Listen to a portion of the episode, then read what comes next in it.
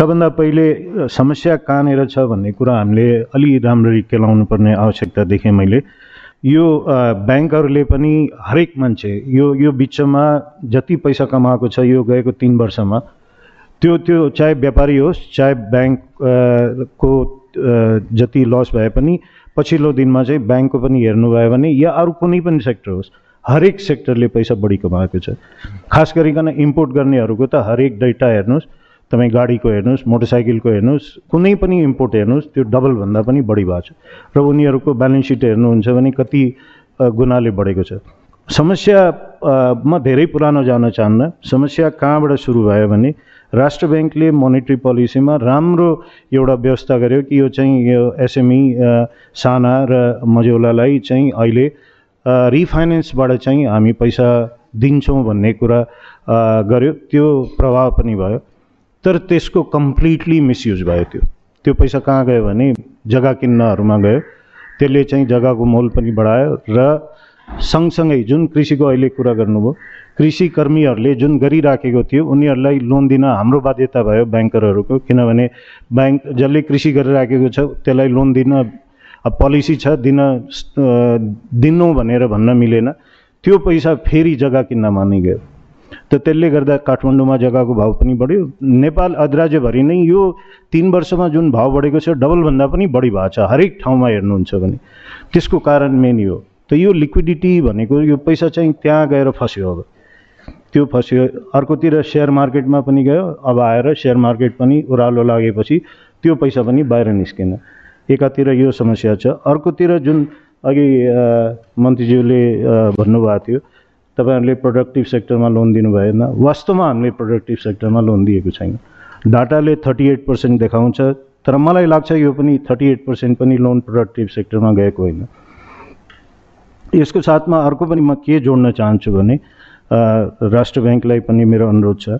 जुन सेक्टरमा हाम्रो हाम्रो लिमिटेड रिसोर्स छ हाम्रो देशको लिमिटेड रिसोर्स छ मैले यो कुरा दुई वर्ष अगाडिदेखि भन्दै आएको थिएँ तर त्यो अब सिमेन्ट इन्डस्ट्री हामीलाई पुगिसक्यो। अहिले भएका इन्डस्ट्रीहरू फिफ्टी पर्सेन्टमा सञ्चालन क्यापेसिटीमा सञ्चालन गरिराखेका छ भने सिमेन्ट इन्डस्ट्रीमा नै हामी अझ लगानी गर्दैछौँ प्रोडक्टिभ सेक्टर भनेर। त्यसले त फाइदा त केही पनि भएन देशलाई फाइदा त भएन। किनभने त्यो जब फुल क्यापेसिटीमा चल्न सकेन भएका मान्छेहरूको प्रफिट हेरेर यदि अरू नयाँ इन्डस्ट्री आउँछ भने त्यो मलाई लाग्छ कहीँ न कहीँ गलत भएको छ। त्यसमा चाहिँ ब्याङ्कहरूले लगानी गरेको पनि कहीँ न कहीँ गलत छ। मैले एउटा इक्जाम्पलको लागि मात्रै भने त यो यो र अर्को ठुलो कुरा चाहिँ यो रेमिटेन्ससँगको रिल कोरिलेसन पनि मन्त्रीज्यूले गरिराख्नु भएको थियो। कुन वर्ष केही वर्ष अगाडिको मात्रै कुरा हो दस पन्ध्र वर्ष बिस वर्ष अगाडिको होला।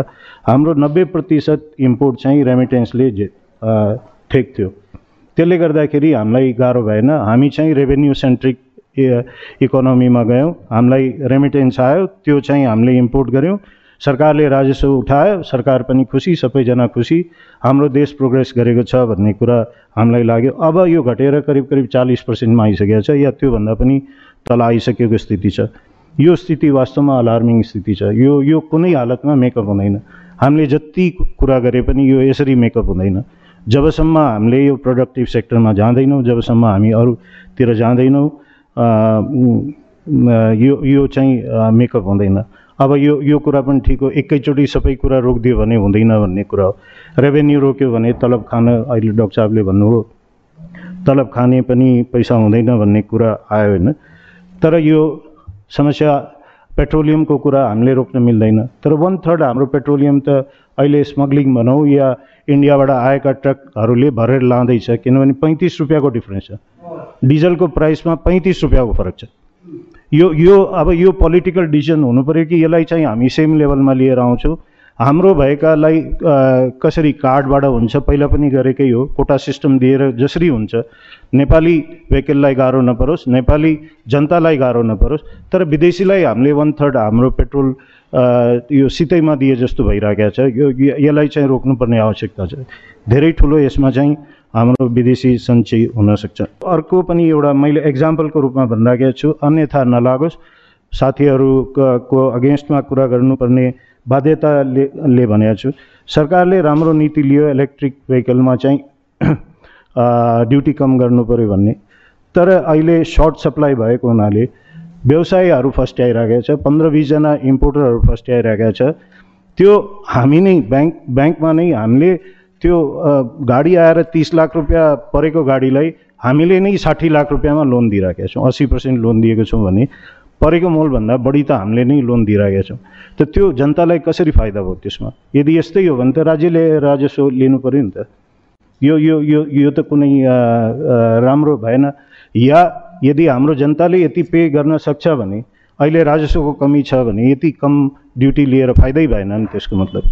त्यो केही व्यवसायीहरूको हातमा जानुभन्दा त अहिले यत्रो समस्या भइराखेको बेलामा राजस्व चाहिँ सरकारको हातमा जानु पऱ्यो भन्ने यो मैले एक्जाम्पलको लागि एउटा आइटम मात्रै भने यस्ता धेरैवटा आइटमहरू छन्। अब यो यो त मैले केही समस्याहरूको बारेमा भने अब रेमेडिजको म कुरा गर्न चाहन्छु यो हामी कृषिको कुरा गर्छौँ बारम्बार कृषिको कुरा गर्छौँ। किन हामी उत्पादन हुँदैन? डक्टर साहबले पनि भन्नुभयो किसानले उत्पादन गरेर बिक्री त हुनु पऱ्यो उसको। आलुको कुरा गर्नुभयो। बङ्गलादेशले आलु एक्सपोर्टमा तिस पर्सेन्ट क्यास इन्सेन्टिभ दिन्छ। अहिले कागडबिट्टा बोर्डरबाट पचासदेखि साठी ट्रक दिनको आउँछ। त्यो हाम्रो किसानले कसरी त्यसबाट कम्पिट गर्ने? त्यसलाई प्रोटेक्सनको नाममा जम्मा पाँच पर्सेन्ट छ। कृषि सुधार शुल्क भनेर जम्मा पाँच पर्सेन्ट छ। यो पाँच पर्सेन्ट हुन्जेलसम्म तपाईँले जतिसुकै अनुदान दिनुहोस् किसानलाई त्यो सम्भव छ? अहिले खाद्यान्नको कुरा गर्नुभयो डाक्टर साहब। गाउँमा चाहिँ भन्सारै छैन पाँच पर्सेन्ट पनि छैन किनभने यहाँको मैदा इन्डस्ट्रीहरूको लागि र मेटेरियल हो त्यो त्यसलाई चाहिँ ड्युटी लगाउनु हुँदैन अनि हामी सोध्छौँ कि किसानले चाहिँ गहुँ लगाएर कम्पिट गर्न सक्छ अहिले हजुरले कुखुराको त्यो फिडको बारेमा कुरा गर्नुभयो मकै दस अर्बको मकै अहिलेसम्म इम्पोर्ट भइसकेको छ यो वर्ष त्यो किनभने त्यो कम्पिट गर्न सक्दैन कुखुराको फिड भनेर उनीहरूलाई जिरो पर्सेन्टमा इम्पोर्ट अलाउँछ यस्तो गऱ्यो भने त कृषि कहिले पनि फस्ट्याउँदैन यो कृषि राजनीति छोडेर म त मन्त्रीज्यूलाई सबभन्दा ठुलो अनुरोध गर्छु यो चाहिँ यो यो के हो भने अहिले यो राजनीति छोडेर देशलाई जोगाउनमा अहिले सबै पार्टीको एउटा साझा चाहिँ हुनु पऱ्यो र डाक्टर साहबलाई रिक्वेस्ट गर्छु यो छर्लङ्ग कुरा चाहिँ आउनु पऱ्यो अहिले कुरा आउँदाखेरि यो गऱ्यो भने यसो हुन्छ यो गऱ्यो भने यसो हुन्छ यो कुरा एकदम ठिक हो। तर अहिले हामी एकदमै गाह्रो स्थितिमा फसिसकेका छौँ र अझ आउने दिन हरेक दिन यो दुई महिनाको डाटा अहिले डाक्टर साहबले दिनुभयो। त्यो सुनेपछि त झन् एकदमै डरलाग्दो स्थिति छ। यो बढ्दै गइरहेको छ। यस्तै भयो भने त पछि अब श्रीलङ्काको कुरा गर्दाखेरि सबैलाई नराम्रो लाग्छ भने श्रीलङ्काको कुरा किन गर्ने? तर एकातिर चाहिँ हाम्रो कन्जम्सन चाहिँ यति राम्रो छ जसले चाहिँ हाम्रो इम्पोर्ट भइरहेको छ भने यसलाई चाहिँ हामीले पोजिटिभली लिनुपर्छ र यसको यतातिर काम गर्नुपर्छ। यसको लागि सबभन्दा आवश्यक के छ भने कृषिलाई इम्पोर्टलाई महँगो बनाउनै पर्छ। जुन प्रोडक्टिभ सेक्टर इन्डस्ट्रीहरू चाहिँ यहाँ सम्भव छन् तिनीहरूलाई महँगो बनाउनै पर्छ। कमसे कम बिस पर्सेन्टको प्रोटेक्सन दिनुपर्छ। अब यही कुरा सुनेर मेरै साथीहरू बिजनेस लिडरहरू सिएनआई एफएनसिसिएका साथीहरूले के भन्छन् भने महँगी हुन्छ झन् महँगी बढ्छ। आज चिनीमा प्रोटेक्सन दिँदाखेरि चालिस पर्सेन्टको ड्युटी दिँदाखेरि महँगी बढेन कि कि सिमेन्टमा पैँतिस पर्सेन्टको प्रोटेक्सन दिँदाखेरि महँगी बढेन। हामीले चार सय रुपियाँको भारूको बोरा बाह्र सय रुपियाँमा किनेर घर बनायौँ कि बनाएन? सबै आम जनताको लागि लाग्नु दण्डी पनि त्यस्तै हो। भनेपछि यो चाहिँ कृषिमा किन गर्न सकिँदैन? पाँच रुपियाँ आलु महँगो किन्यो भने मलाई लाग्दैन नेपाली जनतालाई कुनै गाह्रो हुन्छ। भान्सामा पाँच सय रुपियाँ बढी महिनाभरि गयो भने चाहिँ त्यति गाह्रो हुन्छ भन्ने जस्तो लाग्दैन तर त्यो हुने बित्तिकै हामी तिन खर्बको इम्पोर्टलाई रोक्न सक्छौँ डाक्टर साहबले भने जस्तै एक वर्षभित्रमा करिब करिब त्यो चाहिँ रोक्न सकिन्छ पुरै नभए पनि करिब करिब रोक्न सकिन्छ त्यसमा कुनै ठुलो कुरा छैन तर बिस पर्सेन्टको प्रोटेक्सन दिनु पऱ्यो त्यसको लागि फेरि बायोलेट्रलको कुरा होला बायोलेट्रलको कुराको पनि सोल्युसन छ यो यो ठिक छ डाइरेक्ट कृषि सुधार शुल्क नौ पर्सेन्टभन्दा बढी लगाउन मिल्दैन भन्ने इन्डिया र नेपालको कुरामा भनेपछि अरू अरू मेजर्सहरू त छ नि भ्याट लगाइदिन मिल्छ। भ्याट लगाइदिन मिल्छ या अन्तशुल्क लगाएर अन्तशुल्क छुट दिन मिल्छ। यस्तै हो भने बङ्गलादेशले अहिले हाम्रो अलैँची बयासी पर्सेन्ट ड्युटी लिएर छ। सुन्तला हाम्रो जाँदा बाहन्न पर्सेन्ट ड्युटी लिएको छ।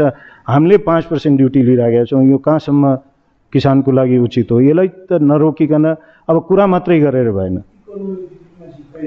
हो त त्यही त हो। त यो यो कुरा बारम्बार उठाउँदै आएको छ वाणिज्य मन्त्रालयले पनि उठाउँदै आएको छ तर खोइ यस्तो लेभलमा चाहिँ प्रधानमन्त्रीज्यूको इन्टरभेन्सन चाहियो या हाइएस्ट लेभलबाट इन्टरभेन्सन चाहियो? मन्त्रीको लेभलबाट चाहियो प्रधानमन्त्रीको लेभलबाट चाहियो? एउटा सानो हुँदाखेरि त इन्डियाबाट चाहिँ हामीले एउटा नन टेरी ब्यारियर क्वारेन्टाइनको व्यवस्था गरेका थियौँ। ओली सरकार हुँदाखेरि। त्यसको दस दिनभित्र चाहिँ त्यो हटाउनु पर्ने बाध्यता आयो किनभने इन्डियाको प्रेसरबाट हटाउनु पर्ने बाध्यता आयो। तर हाम्रो दुई तिहाई जनतालाई जोगाउनको लागि यदि कुनै मेजर लिनुपर्छ भने कुनै पनि कन्ट्रीको हामीले कुरा सुन्ने कि नसुन्ने भन्ने कुरा छ। हामी अरूतिर चाहिँ कुरा गर्न सक्छौँ भने यतातिर चाहिँ हामीले किन स्ट्रङली कुरा गर्न सक्दैनौँ कि हाम्रो दुई तिहाई जनता जुन किसान छन् उनीहरू आज मरिराखेका छन् त भन्ने उनीहरूलाई जोगाउनको लागि हाम्रो देश जोगाउनको लागि हामीले त यस्तो पोलिसी ल्याउनु पर्ने आवश्यकता छ। यसको लागि तपाईँहरू मद्दत गर्नुहोस् भनेर हामीले भन्यो भने सायद हाम्रा छिमेकी मुल्कहरू हाम्रा मित्र राष्ट्रहरू यसमा साथ नदिने पक्कै पनि नहोला। अनि अर्को यसमा चाहिँ अर्को समस्या चाहिँ यसको सँगसँगै हाम्रो अन्डर इन्भाइसिङको समस्या छ जसले चाहिँ तपाईँको रेमिटेन्सलाई पनि एकदमै घटाइराखेको कारण मध्येमा एउटा यो पनि हो किनभने रेमिटेन्सले चाहिँ अन्डर इन्भाइसलाई गरिराखेको अवस्था छ। यसको लागि चाहिँ फ्लोर प्राइसको रेफरेन्स प्राइस होइन। रेफरेन्स प्राइस भनेको चाहिँ एक्चुअल किनेको प्राइस हो। आज बङ्गलादेशले एक्सपोर्ट सरप्लस र एक्सपोर्ट रिजेक्सनको गार्मेन्टहरू एक डलरदेखि दुई डलरमा नेपालमा डम्प गरिराखेको छ। त्यो रियल प्राइस त यसको त्यही हो। तर हाम्रो जस्तो कन्ट्रीले दुई डलरमा यदि त्यो गार्मेन्ट लियो भने हाम्रो यहाँको गार्मेन्टहरू कसरी फस्ट्याउँछ? हामी कसरी रोजगारी सृजना गर्छौँ दुई लाख रोजगारी हरेक यो पहिलो एक वर्ष छोडेर अर्को पाँच वर्षको लागि हरेक वर्ष दुई लाख रोजगारी जन्माउन सक्ने इन्डस्ट्री छ गार्मेन्ट इन्डस्ट्री आज हेरौँ बङ्गला टु थाउजन्ड सिक्समा बङ्गलादेशको र हाम्रो एक्सपोर्ट बराबरी थियो। आज उनीहरू पचास बिलियनमा पुग्यो। हामी चाहिँ दस मिलियनको हाराहारीमा दसदेखि पन्ध्र मिलियनको हाराहारीमा छौँ। कहाँ पचास बिलियन कहाँ पन्ध्र मिलियनमा झरिसक्यौँ। भनेपछि यसलाई चाहिँ जबसम्म हामीले हाम्रो इन्डस्ट्रीलाई प्रोटेक्सन दिन सक्दैनौँ भने कसरी अगाडि बढ्न सक्छौँ? यसैले फ्लोर प्राइसको आवश्यकता छ। अहिले पनि सात हजार रुपियाँको ज्याकेट किन्न जाँदाखेरि सात सय रुपियाँभन्दा बढीको बिल पाउँदैन। यो मैले अस्ति पनि कार्यक्रममा भनेको थिएँ यो कुरा। यो यो यसलाई रोक्नको लागि फ्लोर प्राइस चाहिँ इम्पोर्टमा लगाउनै पर्छ कि योभन्दा सस्तोमा चाहिँ हामी इम्पोर्ट हुन दिँदैनौँ। हामी ड्युटी यतिमा लिन्छौँ। भन्नुको मतलब इन्भोइस जतिसुकैमा होस् तर ड्युटी चाहिँ यतिमा लिन्छौँ। जुत्ताको पनि त्यही कहानी छ। धागोको पनि त्यही कहानी छ कपडाको पनि त्यही कहानी छ र अरू पनि धेरै उत्पादनहरूको यही कहानी छ। त्यसैले फ्लोर प्राइस लगाउनुपर्छ यसले राजस्व बढ्छ। मैले भनेको कुराहरूमा राजस्व घट्ने कुरा गरेका छैन राजस्व बढ्ने कुरा गर्दैछु। यो जबसम्म हामीले यो बिस पर्सेन्टको प्रोटेक्सन यदि इन्डस्ट्रीलाई दियो भने यसको मतलब राजस्व बढ्ने हो। इम्पोर्ट घटाएर पनि राजस्व बढ्ने हो। इम्पोर्ट त घटाउनै पऱ्यो डलर बेसमा चाहिँ इम्पोर्ट घटाउनु पऱ्यो तर राजस्व घट्नु भएन। त्यसको चाहिँ एउटा चाहिँ के भन्छ म्याचिङ पोइन्टमा पुग्नको लागि ड्युटी नबढाइकन अब अरू कुनै विकल्प छैन। गाडीलाई रोकौँ भन्ने कुरा हो तर सबभन्दा बढी राजस्व गाडीबाट आइरहेको छ हुन मेरो बिजनेस होइन। म आज कुनै पनि वेस्टेड इन्ट्रेस्टको कुरा राख्दिनँ भनेकै छु। त त्यो तैपनि त्यसलाई नरोकेर त्यसमा चाहिँ यदि जसले दुई करोडमा गाडी या भनौँ न अस्सी लाखमा गाडी किन्छ भने उसले नब्बे लाख एक करोडमा पनि किन्न सक्छ। त्यो अलिकति कम होला तर राजस्व बढाउन सकिन्छ। अहिले थप पचास पर्सेन्ट ड्युटी किन नबढाउने रोक्नुभन्दा त ड्युटी बढाएर चाहिँ इम्पोर्ट हुन दिनु चाहिँ राम्रो अहिले राष्ट्र ब्याङ्कले रोकेको केही उपाय नलागेर राष्ट्र ब्याङ्कले रोक्यो। तर अब चाहिँ खोल्नुभन्दा अगाडि त्यसमा चाहिँ तुरुन्तै अहिलेको अहिले अब बजेटलाई कुऱ्यो भने ढिलो होला जस्तो लाग्छ। अहिले तुरुन्तै यसमा चाहिँ एउटा चाहिँ ड्युटीहरू बढाएर अनि खोलिदिनुपर्छ जस्तो लाग्छ। र खास गरिकन इन्डिया स्मगल हुने आइटमहरू त्यस्ता चाहिँ कुनै हालतमा पनि अलाउ गर्नु हुँदैन जस्तै यो मरिच छोकडा र यस्ता कुराहरू छन्। यस्ता कुराहरू अलाउ गर्नु हुँदैन। यसमा चाहिँ हामी इन्डियालाई चिडाउन तयार छौँ तर हाम्रो किसानलाई जोगाउनको लागि हामीले चाहिँ कुरा गर्न तयार छैनौँ। यो कुरा मिलेको छैन। यो कहीँ न कहीँ कुरा मिलेको छैन। हामी त्यस त्यसले गर्दाखेरि हामीले आफ्नो भएको कुरा राख्नको लागि पनि हामीलाई समस्या हुन्छ। एक्सपोर्ट को कुरा हामी गर्छौँ। म त सब पच्चिस वर्षदेखि एक्सपोर्ट इन्डस्ट्रीमै लागेको एउटा मात्रै होइन मेरो बिजनेसै एक्सपोर्ट गर्ने हो। कति गाह्रो छ यो त अब मैले अहिले यहाँ भन्न चाहिनँ तर कमसेकम इन्सेन्टिभाइज गऱ्यो भने एक्सपोर्ट बढ्न सक्छ हाम्रो। इन्सेन्टिभाइज गरेको भन्नाले अरू केही इन्सेन्टिभाइज गर्नु आवश्यक छैन। बिजुली अहिले हामी चाहिँ इन्डियालाई चार रुपया रुपियाँमा बेच्नको लागि हातखुट्टा जोडिराखेका छौँ कि जसरी पनि चार रुपियाँ नेपालीमा। भनेपछि चार रुपियाँमा हामीले यहाँ इन्डस्ट्रीलाई दियो भने रोजगारी जन्माउँछ। र म कुरा कि हाम्रै फेडरेसनबाट जति इन्डस्ट्रीहरू छन्, हामीले केही नभए पनि एक वर्ष त लाग्छ इन्डस्ट्रीहरू लगाउनको लागि। त्यसपछि चाहिँ अर्को वर्षदेखि बिस अर्ब, मिनिमम बिस अर्बको चाहिँ एक्सपोर्ट हामीले बढाइदिन सक्छौँ। यदि इलेक्ट्रिसिटीमा अहिलेको नौ रुपियाँ साढे नौ रुपियाँ हामी तिरिरहेका छौँ यसमा फिफ्टी पर्सेन्ट छुट पायो। जुन कि अब खेर जान लाग्ने स्थिति छ भने त्यो इन्डियालाई चार रुपियाँमा बेच्नुभन्दा त हामीलाई सस्तोमा दिँदाखेरि मलाई लाग्छ राज्यलाई राम्रै हुन्छ।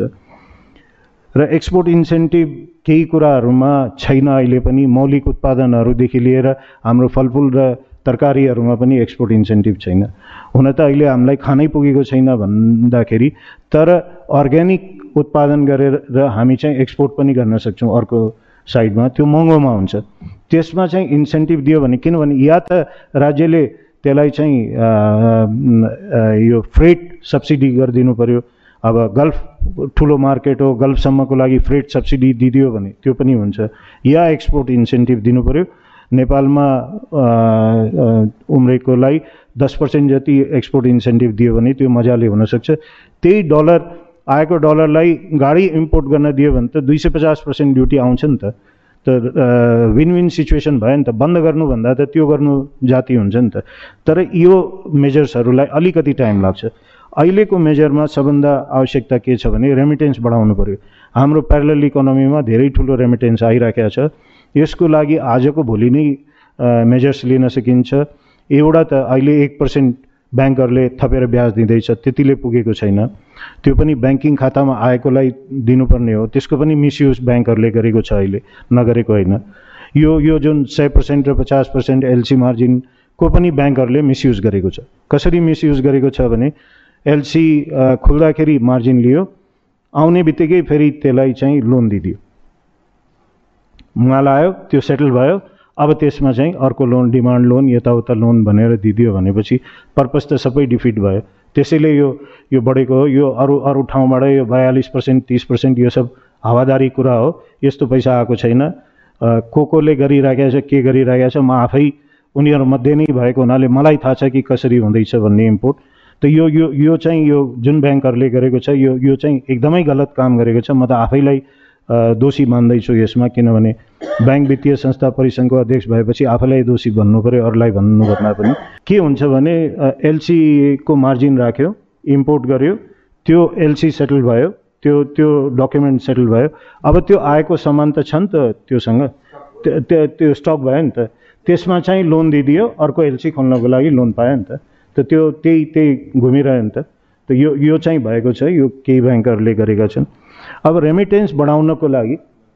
रेमिटेन्स बढाउनको लागि। एक पर्सेन्ट जुन ब्याङ्कले थपेर दिइराखेको छ त्यो ब्याङ्कको कस्ट लागेको छ अहिले राज्यको कस्ट लागेको छैन राष्ट्र ब्याङ्क अथवा नेपाल सरकारले दिएको छैन त्यसमा एकदेखि दुई पर्सेन्ट अझ थप गरेर दियो भने, त्यो चाहिँ एउटा चाहिँ पोइन्ट हुनसक्छ त्यति ब्याज पायो भने सायद विदेशले सञ्चितको पनि बानी पर्न सक्छ। र अर्को जुन दुईवटा अरू कुरा म भनिरहेको छु, एउटा चाहिँ आइपिओ जति पनि आइपिओ आउँछन् त्यसको दस पर्सेन्ट चाहिँ रिजर्भ उनीहरूको लागि गरिदियो भने त्यस्तै यस्तै खातामा आएको पैसाबाट त्यो किन्न पाउने बनाइदियो भने त त्यसमा त कस्ट लागेन। अहिले पनि जनतामै गइरहेको छ। उनीहरू पनि त हाम्रै जनता हो। विदेशमा भएका चाहिँ कामदारहरू पनि त हाम्रै जनता हो। उनीहरूको लागि चाहिँ त्यो त्यति गरिदियो भने त्यसले चाहिँ धेरै ठुलो यो यो मैले धेरै यो रिटर्नी माइग्रेन्टको संस्थासँग पनि कुरा गरेँ। र अहिले यो रेमिटेन्स गर्नेहरूसँग पनि कुरा गर्दाखेरि उहाँहरूको छ यो भयो भने धेरै ठुलो असर गर्न सक्छ। अर्को यसको सँगसँगै सोसल सिक्युरिटीमा यदि उहाँहरूलाई जोड्न सक्यो भने यसमा काम त भइराखेको मैले सुनेको छु तर यसलाई चाहिँ छिटो छरितो गरेर यसलाई चाहिँ जोड्न सक्यो भने त्यसले पनि एउटा सञ्चितको वातावरण पनि ल्याउँछ र एउटा चाहिँ ठुलो आधार बन्न सक्छ भन्ने मलाई लाग्छ। मैले यति नै कुरा राखेँ।